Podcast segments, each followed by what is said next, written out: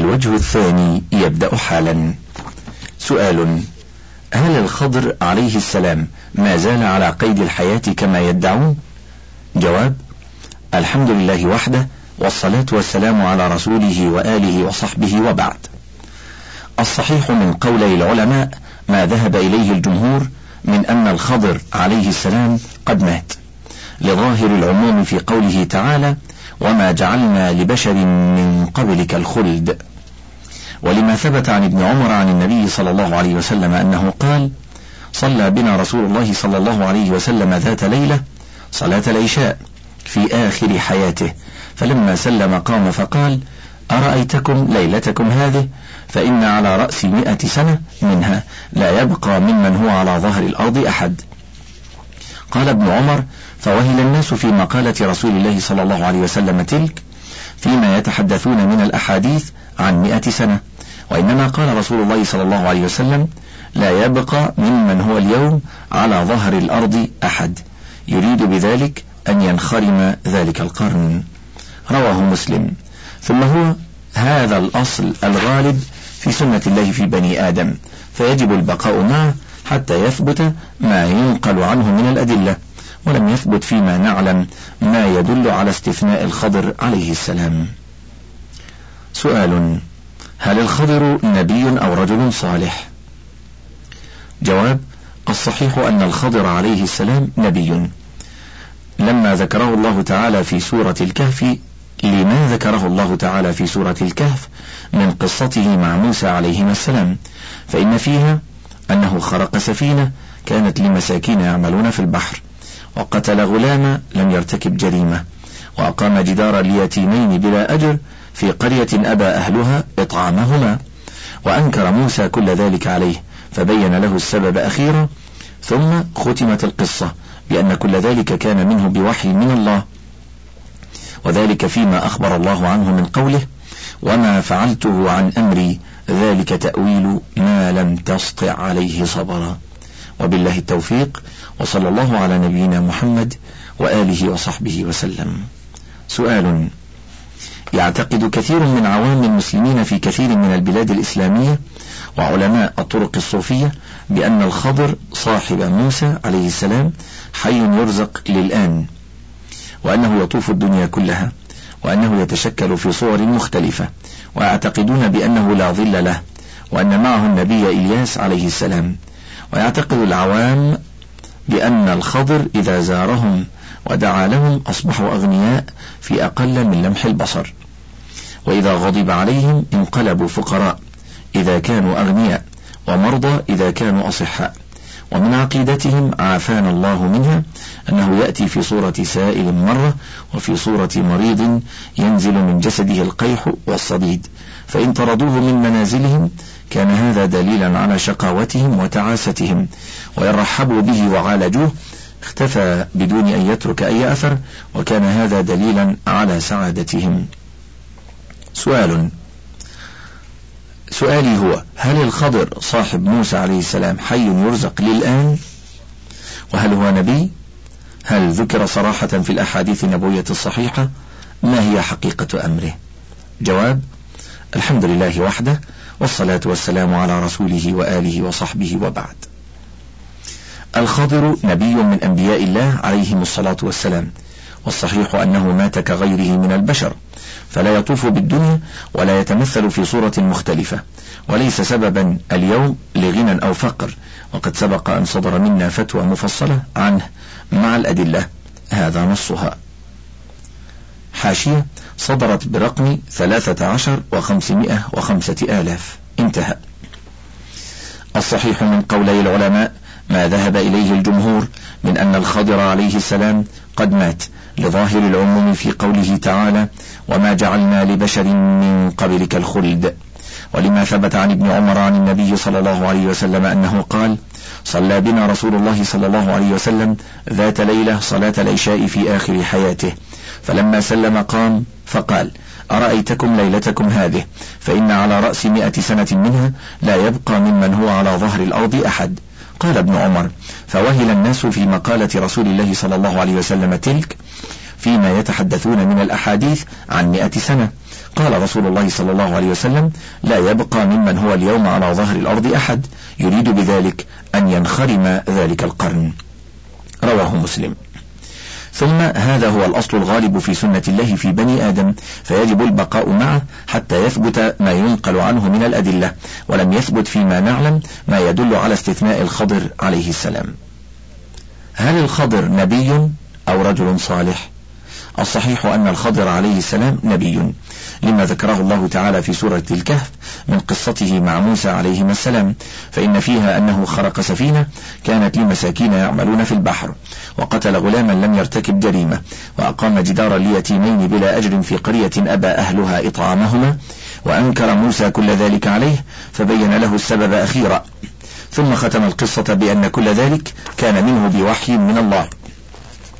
وذلك فيما أخبر الله عنه من قوله وما فعلته عن أمري ذلك تأويل ما لم تسطع عليه صبرا. وبالله التوفيق وصلى الله على نبينا محمد وآله وصحبه وسلم. سؤال قد كنت أتحدث مع رجل مصري الجنسية ويعمل طبيبا في بريطانيا. وأثناء ذلك ذكر لي أن مريم ابنة عمران بعدما أنجبت ابنها عيسى عليه السلام تزوجها رجل لا يحضرني اسمه. الآن وأنجبت منه طفلين فهل هذا صحيح أم لا؟ وإذا كان ذلك حقيقة فما الدليل من القرآن الكريم أو من السنة أو غيرهما؟ لأن الرجل الذي ذكر ذلك لي لم يستطع ذكر أي دليل وأنا كذلك لا أستطيع ذكر ما سمعته ما لم أستدل بشيء من القرآن أو من السنة. أرجو تزويدي بشيء من ذلك والله يحفظكم لنا ذخرا جواب الحمد لله وحده والصلاة والسلام على رسوله وآله وصحبه وبعد. لم يذكر في كتاب الله تعالى ولا ثبت في السنة عن رسول الله صلى الله عليه وسلم أن مريم ابنة عمران تزوجت بعد أن ولدت عيسى عليه السلام ولا أنها ولدت أولادا سوى عيسى عليه السلام. أما قبل عيسى عليه السلام فقد ثبت أنها لم يمسسها بشر ولم تك بغيا قال الله تعالى واذكر في الكتاب مريم إذ انتبذت من أهلها مكانا شرقيا فاتخذت من دونهم حجابا فأرسلنا إليها روحنا فتمثل لها فتمثل لها بشرا سويا. قالت إني أعوذ بالرحمن منك إن كنت تقيا. قال إنما أنا رسول ربك لأهب لك غلاما زكيا. قالت أن يكون لي غلام ولم يمسسني بشر ولم أك بغيا. وقد أقر الله تعالى قولها وصدقها فيه. وبهذا يتبين أن ما قيل من أن مريم ابنة عمران تزوجت أو ولدت غير عيسى عليه الصلاة والسلام لا أصل له. وبالله التوفيق وصلى الله على نبينا محمد وآله وصحبه وسلم. سؤال ورد خبر إلينا أنه ستطبع ترجمة القرآن الكريم بيد محمد أسد في أيرلندا دبلن قريبا وسوف تنشر هنا. وقد شكلت لجنة لنشر هذه الترجمة ومن بينهم أساتذة مسلمون من الهند. ويدعي محمد أسد في ترجمته أن نبي الله عيسى عليه السلام قد مات وأن اعتقاد المسلمين في عودته خطأ. وفي ضوء هذا الزعم أقدم إليكم الأسئلة الآتية. واحد. ما هو حال النبي عيسى عليه السلام وفق الكتاب والسنة الشريفة الثابتة؟ اثنان. ما حكم من قال إن عيسى قد مات؟ ثلاثة. هل توجد أدلة تدل على أن عيسى قد نشر دعوته لأناس في الهند وأفغانستان والسند وإيران؟ أربعة. لماذا طبعت الترجمة المذكورة في دولة إسلامية علما أن محمد أسد مستوطن في المملكة المغربية على علمنا ولم أجد شيئا في الكتاب أو السنة المعروفة لدي؟ مثبتا للأسئلة أعلاه. وسوف تقوي فتواكم يدي والرد على هذه الأمور وسد نشر الترجمة هنا. نبدأ بجواب السؤال الأول. الحمد لله وحده والصلاة والسلام على رسوله وآله وصحبه وبعد. خلق الله تعالى نبيه عيسى عليه السلام من أم وبلا أب. كما قال تعالى واذكر في الكتاب مريم إذ انتبذت من أهلها مكانا شرقيا فاتخذت من دونهم حجابا فأرسلنا إليها روحنا فتمثل لها بشرا سويا. قالت إني أعوذ بالرحمن منك إن كنت تقيا. قال إنما أنا رسول ربك لأهب لك غلاما زكيا. قالت أنا يكون لي غلام ولم يمسسني بشر ولم أك بغيا. قال كذلك قال ربك هو علي هين ولنجعله آية للناس ورحمة منا وكان أمرا مقضيا. فحملته فانتبذت به مكانا قصيا. فأجاءها المخاض إلى جذع النخلة قالت يا ليتني قالت يا ليتني مت قبل هذا وكنت نسيا منسيا. فناداها من تحتها ألا تحزني قد جعل ربك تحتك سريا. وهزي إليك بجذع النخلة تساقط عليك رطبا جنيا. فكلي واشربي وقري عينا. فإما ترين من البشر أحدا فقولي إني نذرت للرحمن صوما فلن أكلم فلن أكلم اليوم إنسيا فأتت به قومها تحمله الآيات فدل ذلك على أنه ولد من أمه مريم فقط بإذن الله وكلمته لا من أب ليكون آية للناس. ومع ذلك اتهمها اليهود بأنها جاءت به من الزنا. فأنطق الله تعالى ابنها عيسى وهو في المهد ببراءتها. قال تعالى قالوا يا مريم لقد جئت شيئا فريا. قالوا يا مريم لقد جئت شيئا فريا. يا أخت هارون ما كان أبوك امرأ سوء وما كانت أمك بغيا؟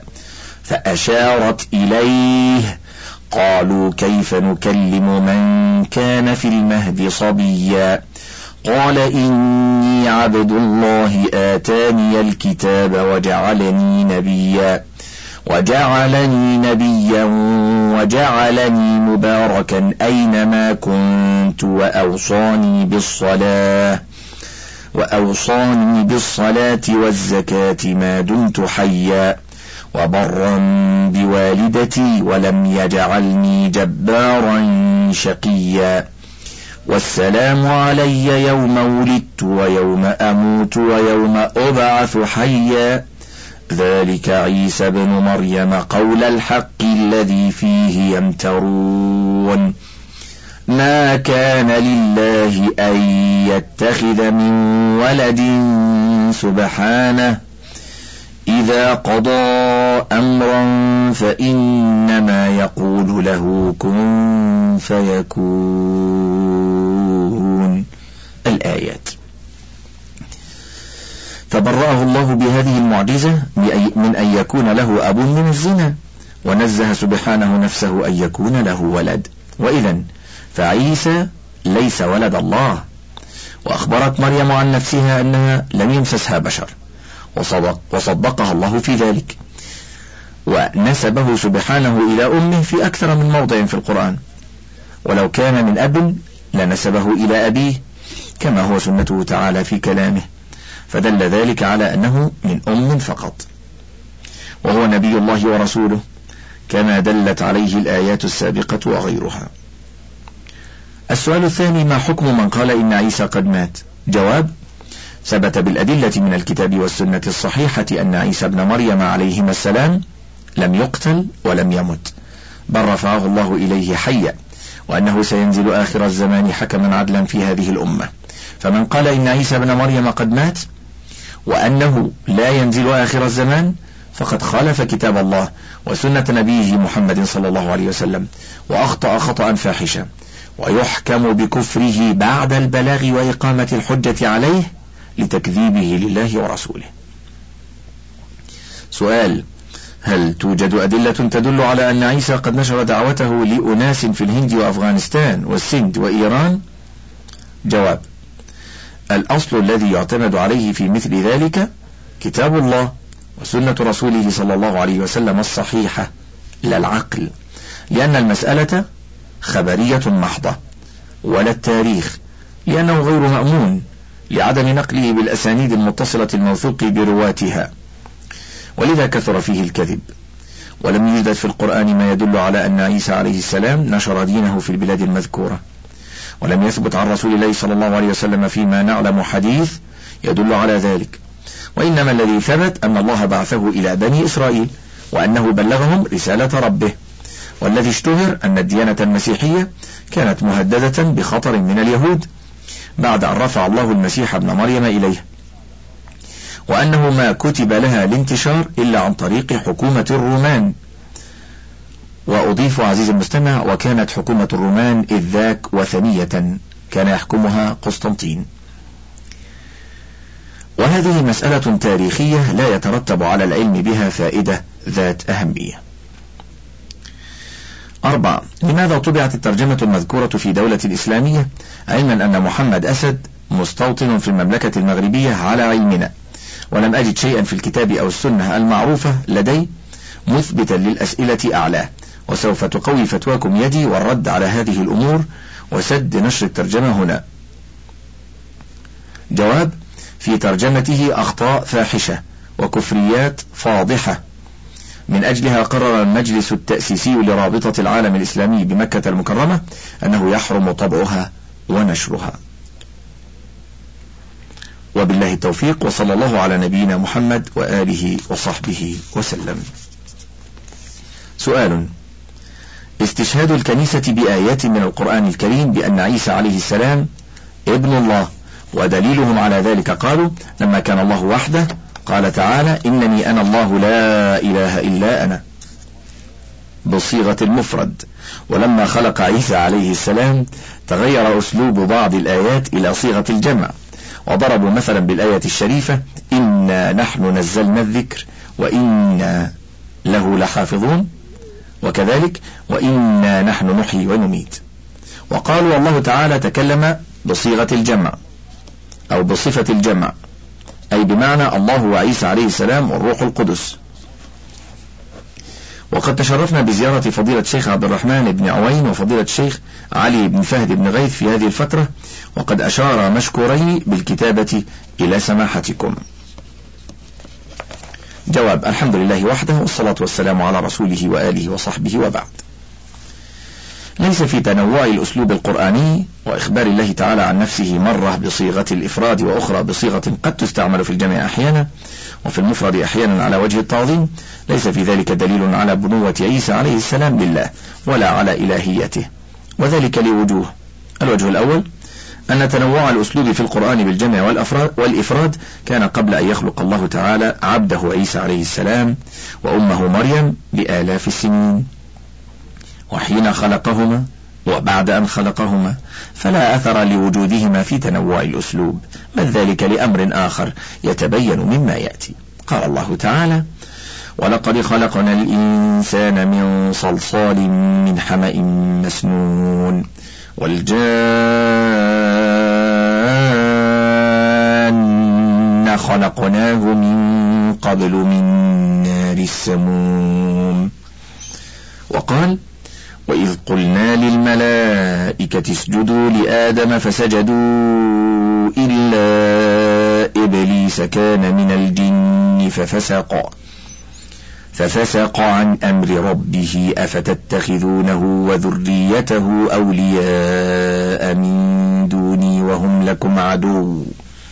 الآية فجاء الأسلوب متنوعا قبل أن يكون عيسى وأمه عليهما السلام.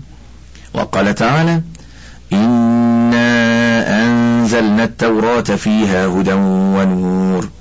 إلى أن قال فلا تخشوا الناس واخشون ولا تشتروا بآياتي ثمنا قليلا ومن لم يحكم بما أنزل الله فأولئك هم الكافرون.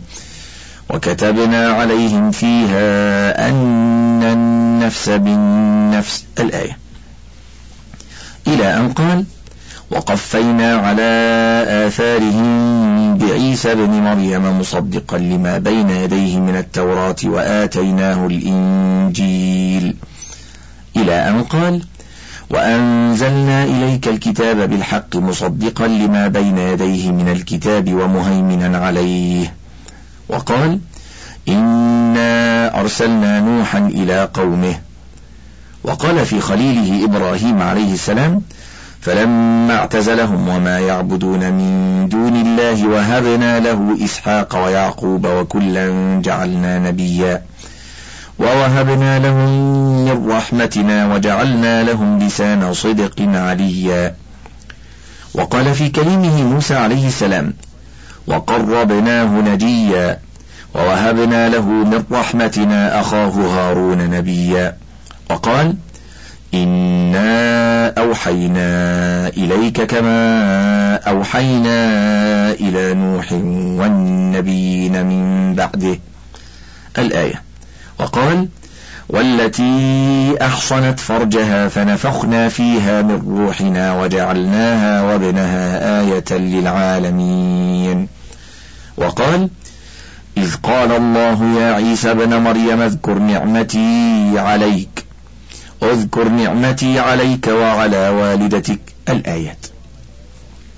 وأمثالها من الآيات تنوع في الأسلوب إفرادا وجمعا في خلق عيسى ومخاطبته وقبل خلقه.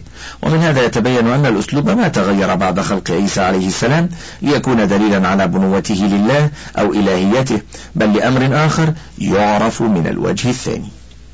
الوجه الثاني أن كل من عرف لغة العرب وأسلوبهم في التعبير يعلم أن ضمير المتكلم مثل كلمة أنا وتاء المتكلم يستعملها الفرد في الحديث عن نفسه. أما ضمير التكلم لفظ نحن ونا فيستعملها الاثنان فأكثر وقد يستعملها الفرد العظيم أو المتعاظم إشعارا بعظمته. وسياق الكلام ومقتضى الحال وما احتف بالحديث من القرائن هو الذي يرشد القارئ. هو الذي يرشد القارئ والسامع إلى المراد ويعين المقصود. ومن خالف في ذلك فهو إما جاهل عمل عميت عليه الأنباء وإما معاند يريد التلبيس وتحريف الكلم عن مواضعه. اتباعا للهوى ويأبى الله إلا أن يحق الحق بكلماته ولو كره المجرمون. يكشف ذلك الوجه الثالث. الوجه الثالث أن القرآن كتاب أحكمت آياته ثم فصلت من لدن حكيم خبير.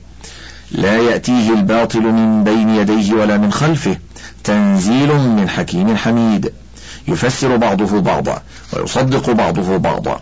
وقد قال تعالى فيه وقالوا اتخذ الرحمن ولدا لقد جئتم شيئا إدا.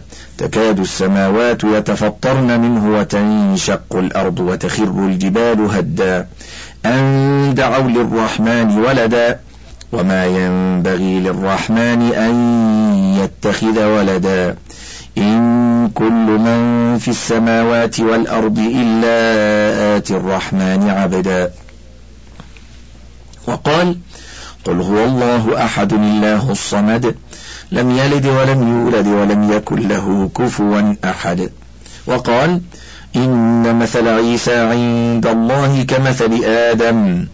خلقه من تراب ثم قال له كن فيكون. فوجب على من آمن به أن يجمع بين آياته ولزم من استدل بنصوصه أن ينصفه من نفسه فلا يستدل ببعضه ويعرض عن بعض. وألا يلبس الحق يلبس الحق بالباطل ليضرب بعضه ببعض بغيا وعدوانا ترويجا للباطل كما فعل أسلافهم اليهود بالتوراة. فأنكر الله عليهم ذلك بقوله أفتؤمنون ببعض الكتاب وتكفرون ببعض؟ فما جزاء من يفعل ذلك منكم إلا خزي في الحياة الدنيا. ويوم القيامة يردون إلى أشد العذاب. وما الله بغافل عما يعملون. الآيات. وعلى هذا لزم من نحى القرآن ليستدل به أن ينفي بنوة عيسى عليه السلام لله. وإلهيته مع الله. ويثبت وحدانية الله تعالى لما ذكر من الآيات. ولقوله تعالى لقد كفر الذين قالوا إن الله هو المسيح ابن مريم وقال المسيح يا بني إسرائيل اعبدوا الله ربي وربكم. إنه من يشرك بالله فقد حرم الله عليه الجنة ومأواه النار. وما للظالمين من أنصار لقد كفر الذين قالوا إن الله ثالث ثلاثة. الآيات وأمثال ذلك في القرآن كثير. وإلا فليكفوا عن هذا التلاعب حتى لا يلزمهم العار ويضحكوا العقلاء من أنفسهم ويحق فيهم المثل القائل ليس هذا بعشك فادرجي. وبالله التوفيق وصلى الله على نبينا محمد وآله وصحبه وسلم. سؤال. هل عيسى حي أو ميت في نظر القرآن الكريم والسنة المطهرة؟ جواب الحمد لله وحده والصلاة والسلام على رسوله وآله وصحبه وبعد. ذهب أهل السنة والجماعة إلى أن المسيح عيسى عليه الصلاة والسلام لم يزل حيا وأن الله رفعه إلى السماء وأنه سينزل آخر الزمان عدلا يحكم بشريعة نبينا محمد صلى الله عليه وسلم ويدعو إلى ما جاء به من الحق. وعلى ذلك دلت نصوص القرآن والأحاديث الصحيحة. قال الله تعالى في فرية اليهود والرد عليها وقولهم إنا قتلنا المسيح عيسى بن مريم رسول الله وما قتلوه وما صلبوه ولكن شبه لهم وإن الذين اختلفوا فيه لفي شك منه ما لهم به من علم إلا اتباع الظن وما قتلوه يقينا بل رفعه الله إليه وكان الله عزيزا حكيما. فأنكر سبحانه على اليهود زعمهم أنهم قتلوه أو صلبوه وأخبر أنه رفعه إليه رحمة به وتكريما له وجعل ذلك آية من آياته التي يؤتيها من شاء من رسله. وما أكثر آيات الله في عيسى بن مريم أولا وآخرا. ومقتضى الإضراب في قوله تعالى بل رفعه الله إليه أن يكون الله قد رفع عيسى بدنا وروحا حتى يتحقق به الرد على زعم اليهود أنهم قتلوه أو صلبوه. لأن القتل والصلب إنما يكون للبدن أصالة ولأن رفع الروح وحدها لا ينافي دعواهم الصلب والقتل فلا يكون رفعها وحدها ردا عليهم. ولأن ذلك مقتضى كمال عزته وقوته وتكريمه ونصره. من شاء من رسله حسب ما قضى به قوله تعالى في ختام في ختام الآية وكان الله عزيزا حكيما. وقال تعالى وإن من أهل الكتاب إلا ليؤمنن به قبل موته ويوم القيامة يكون عليهم شهيدا. فأخبر سبحانه بأن جميع أهل الكتاب سوف يؤمنون بعيسى قبل موته أي موت عيسى. وذلك عند نزوله آخر الزمان حكما عدلا داعيا إلى الإسلام كما سيجيء بيانه في حديث نزوله. وهذا المعنى هو المتعين فإن الكلام سبق لبيان موقف اليهود من عيسى وصنيعهم معه ولبيان سنة الله في إنجائه ورد كيد أعدائه فيتعين رجوع الضميرين المجرورين إلى عيسى رعاية لسياق الكلام وتوحيدا لمرجع الضميرين.